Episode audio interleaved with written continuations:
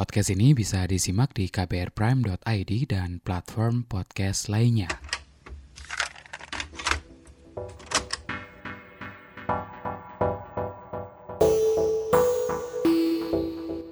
Representasi yang gak mengandung prasangka, stereotipe, dan stigma jadi perkara penting buat teman-teman trans di dalam masyarakat. Itu bisa jadi edukasi sekaligus mengeliminasi transfobia yang nempel di masyarakat.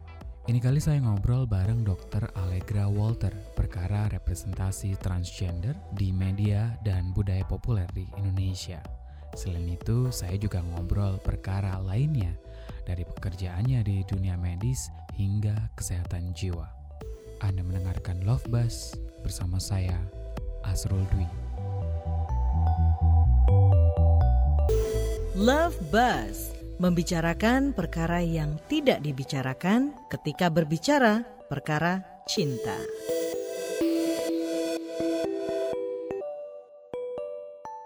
Aku manggilnya dokter atau Allegra dokter aja kali ya, lebih enak. Uh, bebas. Be Allegra, Mm-mm. Kak Ale, terserah dok juga.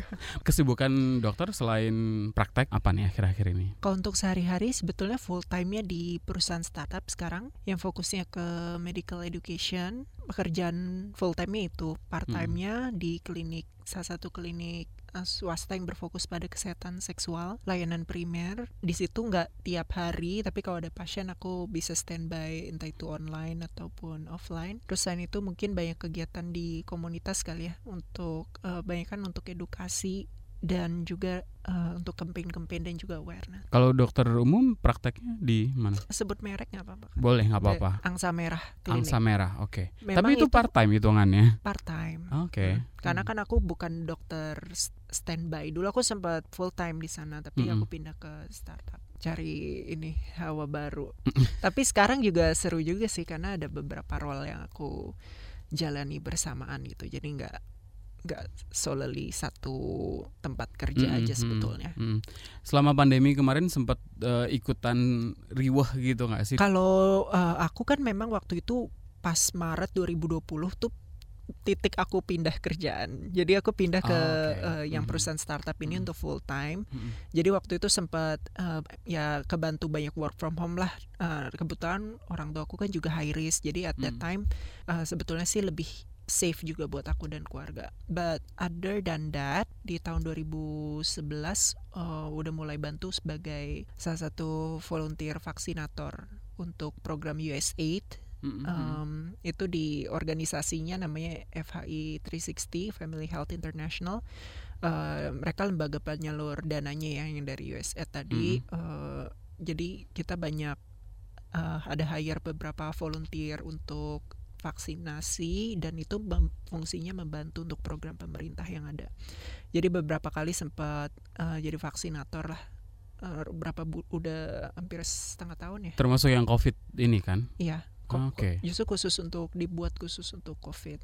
Tapi programnya si FAI 360 ini nggak cuma buat vaksinasi, mereka juga ada eh, supply untuk ventilator dan kebutuhan training-training cara eh, ini ventilatornya dan lain-lain untuk eh, rumah sakit rumah sakit di daerah. Mm-mm, Hmm. Nah, pas pandemi ke- kemarin kan banyak dokter ada yang sampai curhat ke sosial media gitu kan overwork dan sebagainya. Oh, oh. Ngalamin itu juga nggak sih? Eh, kalau untuk pekerjaan mungkin eh, di perusahaan startup Hmm. pasti lebih banyak ini ya. Jadi tanggung jawabnya besar untuk ngasih edukasi seputar COVID-19. Jadi waktu itu ya kita sempat buat beberapa webinar dengan eh, leader-leader di dunia medis dan juga kesehatan baik itu dari asosiasi kedokterannya ataupun dari pemerintah dari Ministry of Health itu untuk sharing informasi soal eh, kondisi klinis COVID-19 yang eh, varian yang sebelumnya kan sempat parah ya Delta itu lagi naik Delta. banget Hmm. jadi kita banyak organize untuk eh, platform edukasi webinar yang membantu dokter-dokter termasuk juga eh, termasuk juga vaksinasi. Eh, kalau untuk praktik klinis aku mungkin lebih banyak jadi vaksinator ya yang eh, berhubungan dengan USAID project tadi. Kalau praktek yang di klinik eh, angsa merah kan memang mereka uh, meskipun klinik layanan primer tapi cukup khusus ya untuk sexual health. Jadi uh, banyak melaku, tetap melakukan screening HIV dan STI lainnya, pap test atau pap hmm. smear yang orang-orang banyak dengar. Uh, ya, tapi ya kembali lagi sempat berkurang yang kunjungan karena kan memang uh, it's global pandemic yeah. kan gak banyak mm -hmm. not a lot of people mm -hmm. are having uh, sexual intercourse gitu ya uh, mm-hmm. kecuali pasangan intim uh, maksudnya kecuali pasangan deket ya bukan pacaran ya misalnya mm-hmm. kayak partner yang tinggal bareng atau uh, suami istri uh, tapi sebetulnya sih uh, bersyukur juga ada layanan selain layanan pemerintah tadi ya kalau layanan swasta mungkin orang lebih nyaman untuk mengunjungi karena pasiennya nggak banyak dan uh, kita gonta-ganti pasiennya juga uh, gantinya per jam gitu ada mm -hmm. ada ini by appointment gitu by ya appointment mm -hmm. jadi nggak nggak rame-rame gitu lah mm -hmm. Mm -hmm. nah dengan seabrek kegiatan gitu ya okay. kan banyak banget kayaknya kegiatannya ada beberapa ah sama mungkin banyak ini ya kemarin banyak raise awareness juga untuk uh, transgender and gender non-conforming individuals issues uh, mm -hmm. during the pandemic karena sebetulnya kan jatuhnya kayak udah jatuh tertimpa tangga pula kan untuk uh, teman-teman minoritas mm -hmm. uh, terutama yang mungkin uh, dari lingkup pekerjaan uh, yang sifatnya jasa entah dia bekerja yeah. sebagai uh, hairdresser, makeup salon terutama untuk trans women ya bahkan be beberapa teman trans men juga kerja di industri pariwisata atau bisnis kuliner mm -hmm. gitu yang sangat impacted dengan COVID-19 ini jadi uh, kemarin ya kami berhasil untuk highlight itu dari beberapa organisasi juga misalnya Sanggar Suara, Sanggar Waria Remaja, terus kemudian juga dari Jaringan Transgender Indonesia dan untuk regionalnya di Asia Pacific Transgender Network mm -hmm. sama UNAIDS juga sempat highlight soal itu ya. Itu termasuk ke termasuk juga ngasih akses kesehatan gratis buat mereka kan? Betul. Kalau untuk uh, akses kesehatan sendiri, kebetulan aku uh, di salah satu organisasi namanya Suara Kita dan uh, as an advisor di sana. Jadi memang uh, salah satu project yang diusung oleh foundernya Mas Hartoyo ini adalah untuk uh, program KTP mm -hmm. untuk teman-teman transpuan KTP plus kakak dan inilah uh, se seberentet lainnya ya yeah, yeah, uh, dokumentasi dokumentasi uh, penting yang sebetulnya sangat dibutuhkan untuk komunitas uh, trans maupun gender non conforming lainnya. Mm -hmm. Karena kita lihat kan memang uh, global pandemic ini kan kayak gak ada yang nyangka ya siapa yang nyangka gitu uh, tahun 2020 uh, kita harus karantina semuanya satu dunia gitu ya mm -hmm. dan tanpa terkecuali juga. Nah uh, kemarin itu di uh, suara kita mereka dapat reach out juga dari uh, ini ya Kemendagri hmm dari Prof Zudan, kemudian juga dari uh, bekerja sama dengan tim Dukcapil dari berbagai wilayah se-Indonesia. Um, jadi uh, suara kita membantu untuk koordinasi tersebut. Aku sangat ini sih uh, appreciate juga untuk teman-teman yang uh, di organisasi full time dan juga uh, dari organisasi grassroots itu karena benar-benar uh, snowballing ya. Jadi dari satu informasi ini beredar uh, dan akhirnya ada organisasi lain dan juga uh, teman-teman komunitas lain yang membantu gitu karena uh, sebetulnya masalahnya kan kalau untuk teman-teman trans misalnya dari isu uh, kondisi sosial dulu deh yeah. yang nggak punya data KTP kependudukan, kependudukan hmm. dan lain-lain kan biasanya dari kondisi yang mungkin nggak uh, nggak dapat support keluarga hmm. dan kadang dia harus uh, beliau harus keluar gitu dari rumahnya untuk hmm. mendapatkan validasi dan juga uh, support yang lebih gitu ya dari dari orang lain dari lingkungan dari komunitasnya hmm. dan uh, kalau keluar dari rumah kadang dari usia kecil itu nggak ada ya kepikiran untuk KTP ataupun ngambil kakak gitu gimana caranya ya dan akhirnya juga udah di kota banyak yang uh, doing survival work, yes. entah itu sex work ataupun uh, pengamen ataupun pekerjaan apa pun lah yang bisa beliau beliau ambil gitu ya. Jadinya eh, nggak uh, ada yang kepikiran buat seberapa penting sih KTP itu ya kalau uh, dan masalahnya sebetulnya rep, kalau kita replikasi juga nggak cuma di komunitas trans aja, tapi komunitas dengan kondisi sosioekonomi yang cukup berat gitu ya. Yeah. Kadang mereka nggak punya identitas juga gitu, terutama mm. kalau udah agak nomaden gitu ya dan tanda kutip berpindah-pindah kota dan lain-lain Jadi di sana uh, difasilitasi untuk kebutuhan tersebut. Karena kan kalau kita mau ngajuin KTP tuh sebetulnya kan susah-susah gampang. Kalau kita mungkin udah punya KTP adik kakak tinggal uh, surat keterangan RT RW gampang gitu ya misalnya dan juga support system yang baik. Mm-hmm. Tapi untuk teman-teman yang nggak punya identitas dari awal itu akan uh, sangat sulit untuk dapat keterangan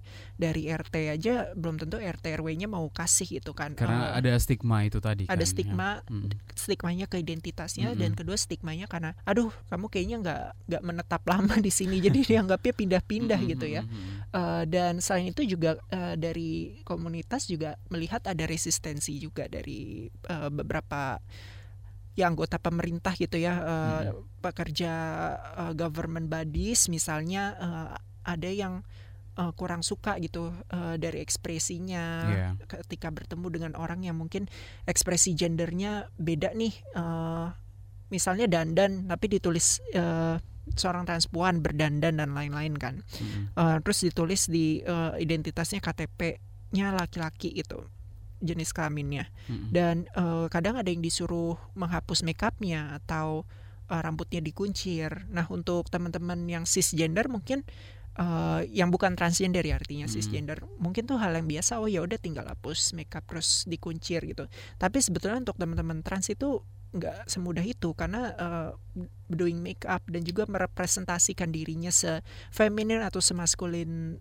mungkin itu sebetulnya dari itu adalah bagian dari how they express themselves and how they want to validate their identity mm -hmm. di uh, dokumentasinya mm -hmm. dan uh, dari berangkat dari pengalaman tersebut juga bersyukur kemarin dari proyeknya suara kita ini banyak vokal point vokal point yang uh, bermunculan ya. Dan uh, ada yang bilang oh ternyata nih nggak apa-apa nih di Dukcapil nih udah dapat pelatihan dapat informasi dari atasannya dari pusat kan bahwa mohon dibantu difasilitasi untuk pembuatan KTP dan juga identitas lain untuk teman-teman. Itu trans, termasuk gitu. ini berarti ya apa bantuin nyari tempat atau nyari Dukcapil yang ramah gitu ya terhadap teman-teman Uh, iya, harusnya dari Dukcapil yang uh, kita udah kolaborasi udah ini dapat informasinya dan diusahakan semaksimal mungkin. Tertentu aja kan itu atau udah semuanya sekarang? Ada beberapa daerah yang hmm. udah di ini, tapi uh, keputusannya udah dapat ada udah ada surat dari Kemendagri harusnya, dari pusat. Iya. Uh, nah, tapi prakteknya masih belum rata gitu kan? Ya, ada yang uh, ada yang sangat fasilitatif. Jadi iya, misalnya yeah, yeah. di daerah uh, aku lupa tuh ada beberapa daerah di Kuningan dan lain-lain ya, Selatan di, cukup oke katanya kan. Iya. Kalau Jakarta mah nggak usah yeah. khawatir.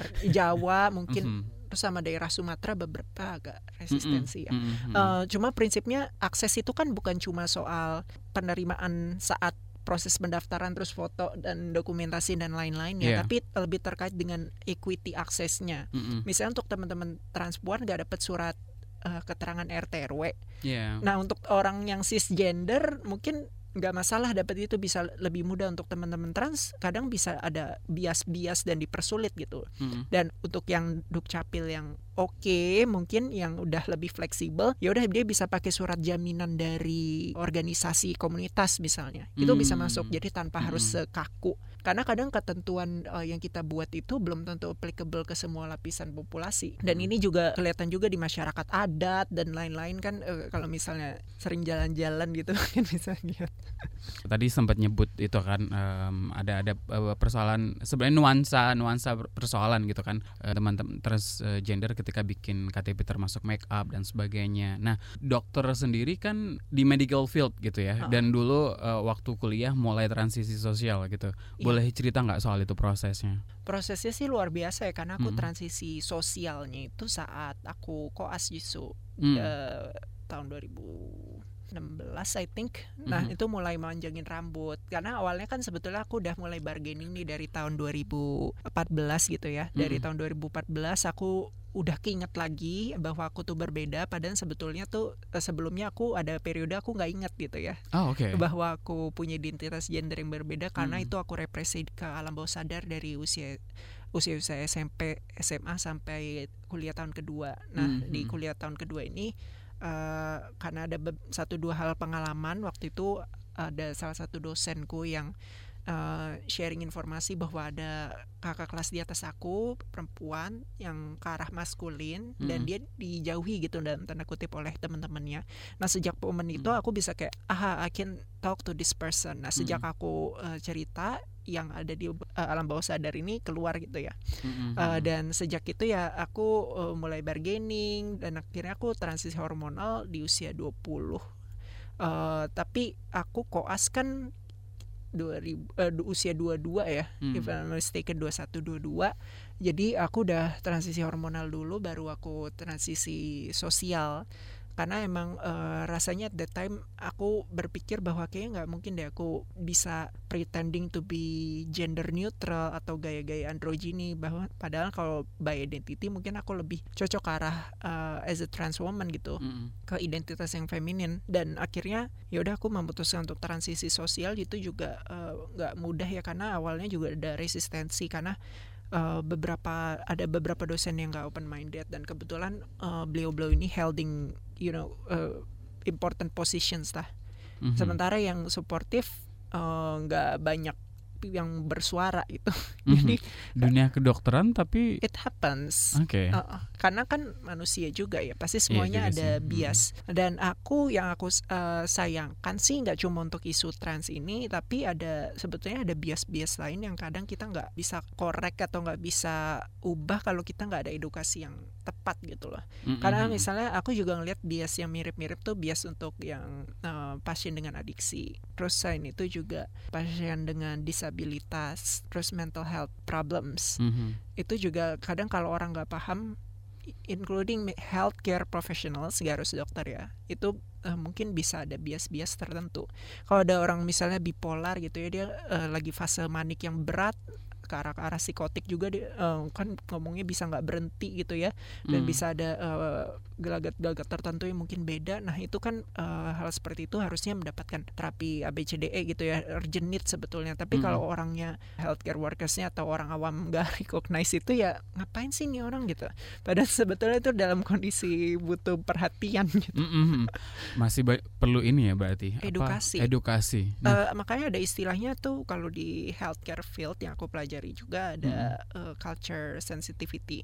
Culture itu kan bukan berarti hanya seputar misalnya culture orang Jawa seperti apa, culture orang Batak seperti apa, tapi culture-nya ditarik social cultural yang lebih luas lagi dari faktor usia kita lihat usia muda anak kecil adolesen dewasa muda dewasa eh, dewasa tua gitu ya iya. sama lansia kan beda Iya, cara iya, ngomongnya. ha, nah benar, itu benar, contoh benar. satu eh, selain, dari usia, jenis Mhm. kelamin, eh, atau seks, ke- kemudian gender, identitas gender, terus eh, faktor kondisi fisik, kondisi mental itu eh, sebetulnya eh, I think the- there is a need to have an education on that. Mhm. Karena kalau kita fokus ke diagnosis dan lain-lain, it's good karena itu Hmm. emang teori ya kalau nggak nggak tahu kan juga nanti pa- pasiennya kenapa-napa juga nggak ini ya nggak lucu ya Uh-uh. Uh, but at the same time kan uh, any profession apalagi medicine atau healthcare itu kan langsung berhubungan dengan manusia kan. Yes. Uh, Mhm. kliennya atau pasiennya ya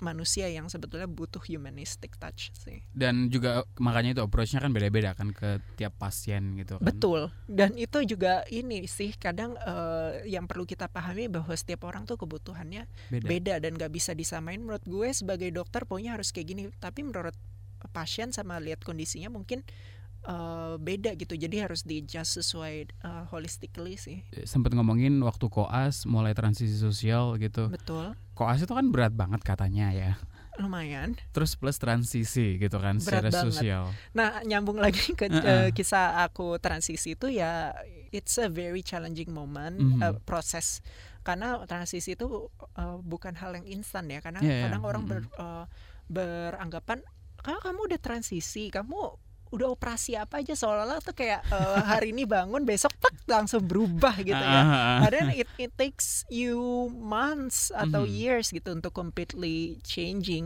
dan hormonal terapi sendiri kan mungkin awal-awal kita udah bisa notice di tiga bulan pertama gitu ya Hmm. mulai timbul eh, untuk trans woman timbul daerah eh, payudara yang membesar, pinggul Hmm. membesar, transmen suaranya mulai pecah, mulai berotot dan lain-lain gitu. Eh, tapi sebetulnya full efeknya kan juga perlu waktu bertahun-tahun Mm-mm, usually for mm-mm, certain developments terus selain itu juga itu eh, transisi kan juga luas ya nggak cuma soal operasi atau eh, hormon aja tidak cuma soal biologis tapi juga ada faktor sosial gimana Mhm. dia coming out ke orang-orang di sekitar karena transisi untuk satu individu trans itu transisi untuk orang-orang di lingkungannya juga bagaimana memanggil namanya Mm-mm. kemudian juga mengadres dia sebagai laki-laki atau perempuan atau apa pun non binary atau apa pun yang orang itu preferensikan uh, transisi juga untuk keluarganya.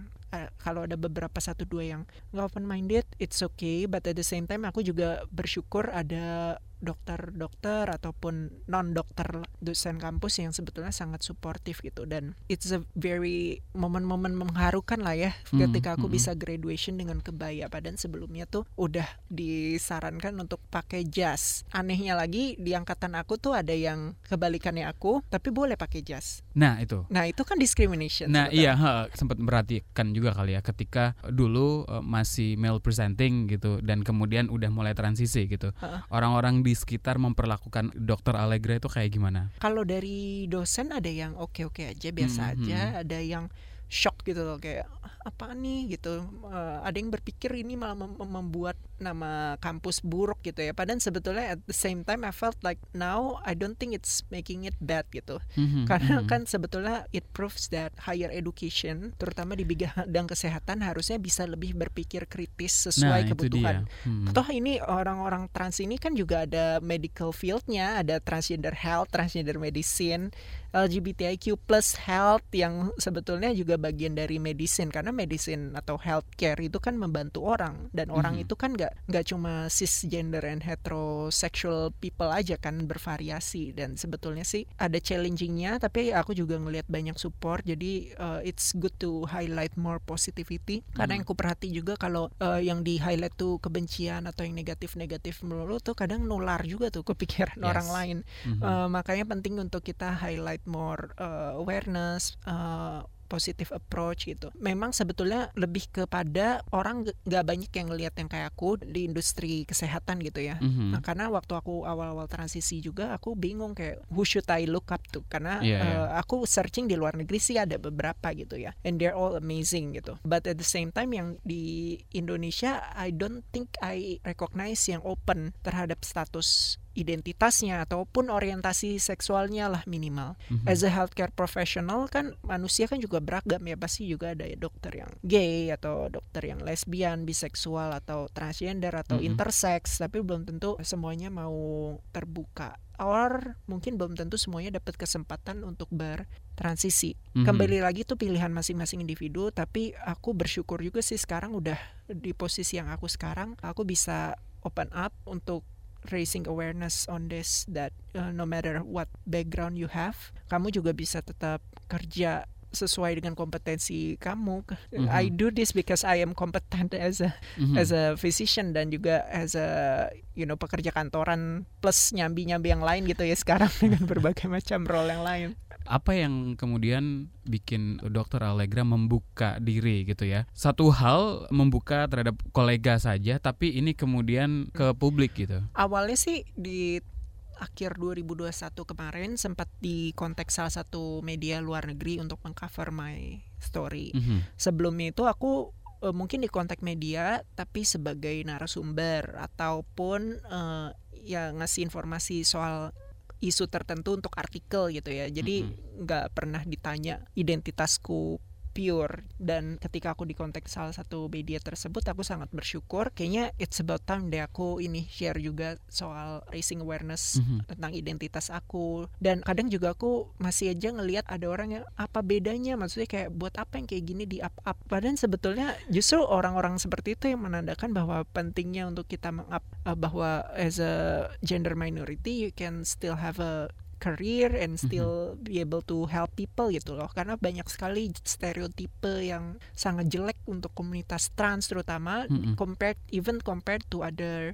LGBTIQ population ya. Untuk komunitas trans tuh rasanya stereotipnya tuh lebih berat ya kalau yang aku perhatikan. Karena stereotipnya dari pekerjaan misalnya pekerja seks atau transpuan transpuan penggoda gitu kan. Dan kayaknya even for I think LGB people as well ya stereotipenya sangat direduksi ke seksualitas Yes. ataupun gendernya padahal sebetulnya Hmm. manusia itu kan kompleks ya nggak tiap hari mikirin seks saja karena eh, banyak teman-teman trans yang hidup in a challenging environment terutama untuk trans women atau even trans men juga Eh, itu ya karena struktur sosial kita yang sebetulnya belum bisa eh, benar-benar mengakomodir kebutuhan dari teman-teman trans yang beda ini yang 0,5 0,3 sampai 0,5 persen populasi Mm-mm. It's, it is very small but they are the most visible and one of the most targeted groups gitu ya untuk trans women sendiri ya tadi stereotipenya terus untuk teman-teman trans men aja ada yang mengalami conversion therapy Iya. eh, dalam bentuk yang bermacam-macam conversion therapy juga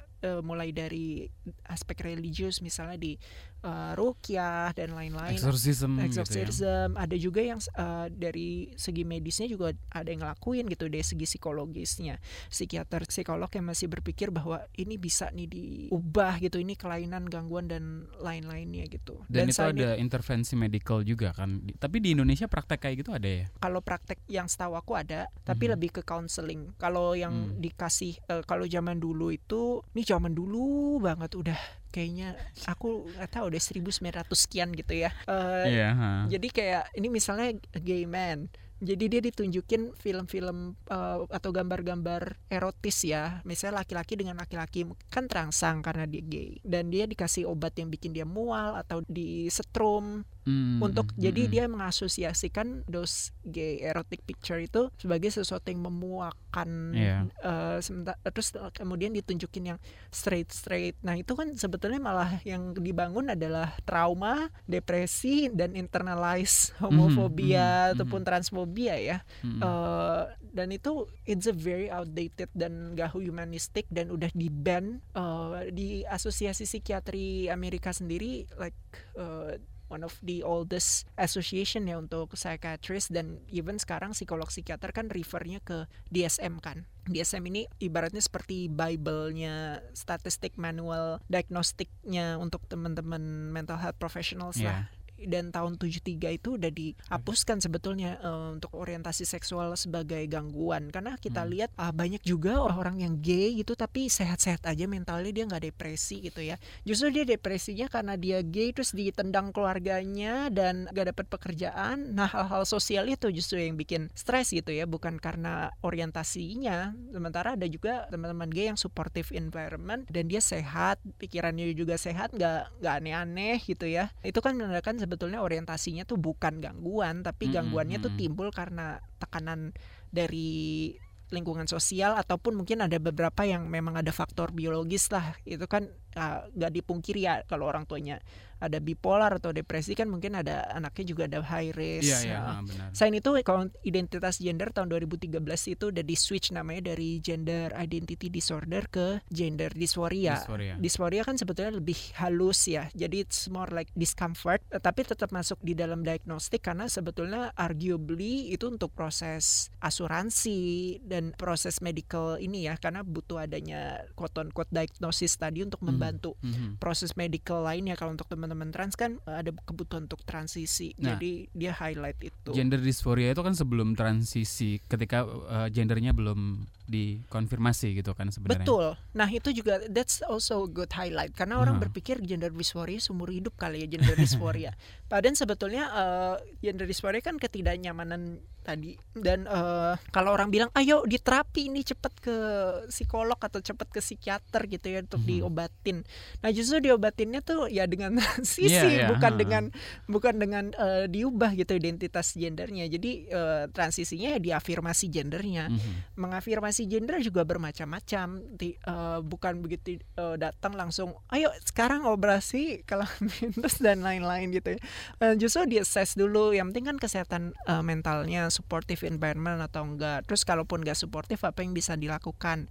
Dia harus mandiri dulu eh, mandiri gitu ya secara finansial finansial karena ada kebutuhan transisi kan ada kebutuhan beli baju, ke, uh, hormon dan lain-lain. Uh, jadi uh, atur strategi untuk uh, well-being secara keseluruhan dan kalau udah bertransisi tadi bisa secara biologis, biologis itu sesuatu yang nggak bisa atau mungkin partially reversible. Kalau surgery kan mungkin nggak bisa balik lagi, mm -hmm. tapi kalau yang biologis hormon ada yang fungsi yang bisa balik, tapi ada juga yang nggak bisa balik 100% karena itu mm -hmm. kan kayak literally changing your body's physiology, uh, mm -hmm. fungsi tubuh. Terus dan itu uh, kalau sosial bisa balik lagi misalnya ganti nama eh, ganti pronoun manjangin rambut, pendekin rambut, pakai binder, binder hmm. yang menutupi daerah dada untuk teman-teman transmen ya biar yeah.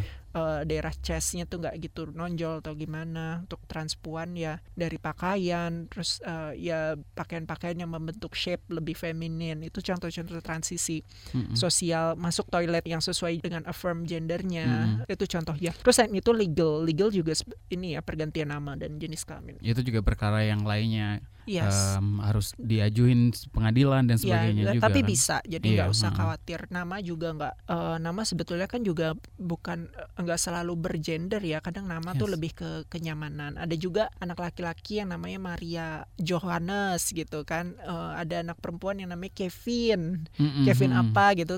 Ada juga jadi Miss ini kan kayaknya salah satu Miss Miss. jadi kan kayak uh -huh. ini nggak nggak 100% bergender and it is possible to change your name. Uh -huh. Jenis kami juga bisa di change uh, hanya saja di Indonesia tuh masih melihat jenis kelamin dari organ seksnya. Jadi there are certain needs uh, to do certain expectations to do certain surgeries. Karena awalnya juga uh, hukum pergantian jenis kelamin itu kan diajukan oleh Vivian Rubianti ya. She is the first yeah, trans bahkan woman. sebelum Dorce ya sebelum itu yeah. tahun 70-an kalau nggak salah. Jadi dia uh, beliau having surgery kalau nggak salah ya di Singapura terus di Indonesia majuin ke pengadilan uh, sampai ke mahkamah ya kalau nggak salah uh, dari pengacaranya itu dibantu uh, karena ternyata waktu itu belum ada hukumnya untuk pergantian uh, jenis kelamin. Jadi hmm. itu uh, kan dianggap tidak bisa mengakomodir kebutuhan uh, Vivian waktu itu yeah. dan akhirnya di ditetapkan pergantiannya dan beberapa rumah sakit tuh sempat ditunjuk tuh untuk bisa membantu teman-teman trans rumah sakit besar pemerintah hmm. misalnya Jakarta RSCM daerah lain juga ada kan rumah sakit besar di Semarang hmm. hmm itu hmm. yang pegangan-pegangan fakultas kedokterannya lah yang rumah sakit negeri ya pusat ya but at the same time ya itu kan sebetulnya perspektif tahun 70-an sekarang justru perspektif soal gender juga sangat berubah karena gender lebih terkait dengan peran tapi hukumnya still having a perception bahwa trans person jenis kelamin tuh ditetapkan atau gendernya tuh ditetapkan oleh bentuk kelamin. Vivian itu kalau nggak salah ada filmnya deh, iya, zaman dulu ada. banget ya kalau hmm. mau nonton. Nah representasi itu kan pentingnya untuk ke edukasi itu ya uh, dan salah satunya. Tapi kemudian kalau di Indonesia kan representasi itu agak terhalangi karena ada aturan di KPI lah dan sebagainya okay. gitu-gitu. Nah kalau Dokter Sri ngelihat representasi uh, transgender, transpuan, transpria di Indonesia sekarang kayak gimana? Utamanya di media gitu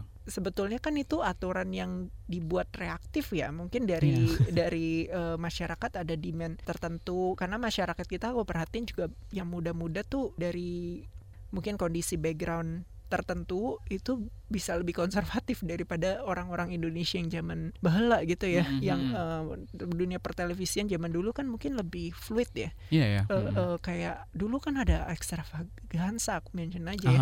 Terus apa warkop, tesi, aku yeah. suka banget dulu Bagian dari itu. culture Indonesia juga kan sebenarnya. Iya, ada ada tentang reok, terus mm-hmm. kemudian kalau culture kan juga luas ya, ada bisu yes. dan lain-lain mungkin teman-teman bisa cari juga informasinya. Tapi pada prinsipnya sih itu dibuat reaktif dan Padahal sebetulnya kalau dibilang laki-laki berlagak feminin tuh apa? Maksudnya kalau nangis itu feminin. Nah. jadi kan uh, itu kan sebetulnya sesuatu yang sangat uh, luas ya. Mm -hmm. uh, dan rasanya agak absurd sih menurut aku untuk rules seperti itu. Kalau uh, representasi juga aku rasa banyak media yang mungkin meng-highlight artis-artis gitu. Misalnya trans uh, woman trans men aja menurutku kurang dapat peran, Yeah. eh, Mm-mm, kurang mm-mm. dapat eh, spotlight ya. Padahal sebetulnya proporsi transmen transpuan sama aja gitu. Mhm, Tapi yang di mhm. highlight tuh mungkin lebih banyak transpuan, mungkin dianggap lebih itu kontroversial ya. iya atau juga ada hubungannya sama cara pandang masyarakat Patriarki. patriarki Mm-mm. itu ya over sexualized women gitu-gitu kan Yes, heeh. dan eh, dan itu juga aku lihat patternnya kayak transpuan tuh selalu dibandingkan kecantikannya atau looknya atau keseksiannya seolah-olah setiap perempuan tuh ya atau yang mau menjadi perempuan dalam tanda kutip dari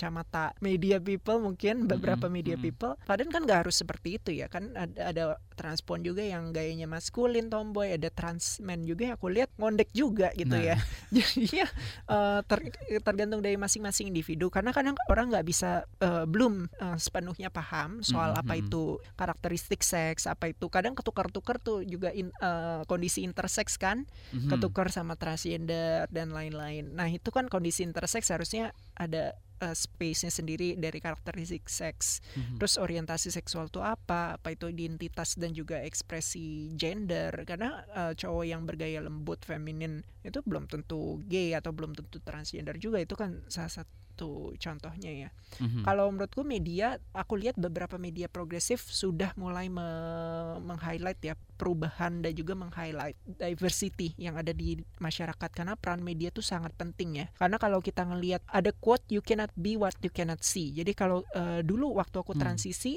yang aku lihat kalau aku search tentang transgender yang seksi-seksi, kerjanya pakai lingerie gitu, which is very, I'm very supportive of that. I Aha. mean like good for you, you Iya, look great iya. cuma eh, aku jarang ngelihat yang paling satu misalnya aku sebut aja Dena Rahman gitu. Itu pun she came from a very privileged background gitu. Dengan artis backgroundnya terus koneksinya artis semua terus di bidang fashion atau bisnis yang sebetulnya lebih inklusif mungkin ya to- towards diversity. Meskipun nggak 100% juga aku ngeliat di dunia fashion juga banyak teman-teman yang nggak open minded including teman-teman gay yang closeted juga. Dan Hmm. itu yang aku perhatian sementara yang mungkin kalau kondisi aku kan aku mungkin jadinya ya pekerja kantor atau pekerja rumah sakit pekerja biasa gitu ya pekerja di instansi pemerintah ataupun swasta. And I think Hmm. there is still room for representations to that. Dan sekarang aku juga ngelihat teman-teman grassroots juga seharusnya butuh representasi yang lebih kuat. Dan aku ngelihat itu di beberapa cuplikan misalnya Bunda Mayora. I don't think she was the first actually. Tap- eh, karena sebelumnya ada eh, juga Bunda Ruli itu juga yang eh, in political sphere juga. Tapi Mhm. kayaknya sebelum transisi deh waktu itu if I'm not mistaken aku mungkin salah juga ya. Tapi yang jelas Bunda Mayora itu kan di highlight ya beliau eh, dan pekerjaannya juga oke. Dan benar-benar kerja untuk masyarakat karena itu eh, role-nya kan as a Mhm, part of the government bodies gitu ya. Terus selain itu juga kemarin aku lihat ada guru, guru SD, guru ASN dan itu sesuatu yang sangat uh, refreshing. But at the same time juga sebetulnya masih banyak space untuk representasi yang lebih bervariasi ya karena uh, trans uh, individuals kan macam-macam backgroundnya. Iya. Uh, dan tadi yang aku mention juga transmen belum banyak yang diliput juga dan belum tentu semuanya mau terbuka but at the same time it is good kalau kita bisa meng-highlight intersectionalization eh, inter- intersectionality ya dalam gender itu sendiri. Karena gender kan luas tapi juga bisa bersisiran dengan identitas dari usianya kemudian dari eh, background rasnya yang beda-beda itu. Agama beda-beda. Hmm, hmm. betul. Pesantren waria al-fatah itu juga keren kan ada Iya ya di beberapa Jog- tokoh kuat. Jogja, Jogja, ya. Hmm, hmm. Tadi kita ngobrol banyak soal kegiatan refreshing buat diri sendiri ngasih waktu buat diri sendiri. Dokter Allegra kayak gimana? Ah, biasanya eh, aku melihat e-commerce kayak ini seru nih itu Iya. refreshingnya jadi hobi aku belanja Mhm, makan mhm. Eh, pengen jalan-jalan tapi kalau jalan-jalan eh, aku nggak mau sendiri maunya ditemenin tapi nggak ada yang nemenin Oh, nggak ada yang nemenin. Eh, kalau refreshing sih ya kadang ada periode di mana aku seminggu kayaknya ada tiga webinar terus di kantor kan juga Wow. ada tanggung jawab gitu ya Mhm. memang materinya sebetulnya aku bisa prepare dari seminggu sebelumnya atau Mhm, beberapa mhm. hari sebelumnya gitu tapi kan tetap aja padat ya orang butuh waktu napas tapi ya minggu-minggu seperti itu tuh aku ingat komitmen aja sih karena eh, kalau kita udah say we, we agree to do something makanya aku kemarin bersyukur juga dari ini KBR kan aku sempat harusnya kan minggu lalu nih kita Ah, taping ah, tapi ah. eh, aku bilang aku agak burn out karena emang uh, di minggu itu tuh udah ada schedule lainnya dan I didn't expect bakal se heavy itu untuk uh, rutinitas yang lain preparationnya jadi uh, aku sangat bersyukur juga KBR sangat memahami karena self care dan self love itu kan penting gitu kan ya. betul ya? dan aku rasa harapan ke depannya sih institusi pendidikan sama pekerjaan juga recognize hal ini ya mm-hmm. karena kemarin juga aku bilang ke bosku uh, bosku juga notice gitu kayak mukanya lebih murung gitu padahal biasanya kalau meeting tuh lebih energized uh-huh. tapi uh, berapa kali agak murung dua tiga hari dan disuruh take a time off meskipun aku nggak take a time off tapi I felt more refreshed gitu sih setelah dengar ada orang yang perhatiin atau checking up on you Hmm. It's also good. Satu pertanyaan terakhir, um, arti cinta atau makna cinta buat Dokter Allegra apa? Aduh, ini temanya tentang love ya. Kalau menurutku sih uh, cinta itu sesuatu yang tulus ya. Kalau di uh, bagaimana I was raised sebetulnya ada Injil sendiri gitu tentang cinta kan. Oh. aku lupa isinya apa aja. Tapi pada prinsipnya menurutku cinta itu sesuatu yang pure dan first of all you have to appreciate and respect love yourself in order to respect others. Jadi I see the divine in you. Aku lupa sih nama ininya. cinta sesuatu yang bisa dirasakan dan it's a positive hmm. happy feeling. Kalau kamu punya saran, komentar, atau ingin berbagi cerita, boleh banget. Email ke podcast at kbrprime.id dan tulis Love Bus untuk subjek emailnya kita membicarakan representasi berarti membicarakan keterwakilan dan itu nggak melulu selebriti. Orang-orang seperti Dr. Allegra, Bunda Mayora, atau Mami Cathy yang saya ajak ngobrol di episode pertama season kelima ini rasa-rasanya perlu banget diamplifikasi dan disampaikan lebih sering ke publik. Love Buzz membicarakan perkara yang tidak dibicarakan ketika berbicara perkara cinta.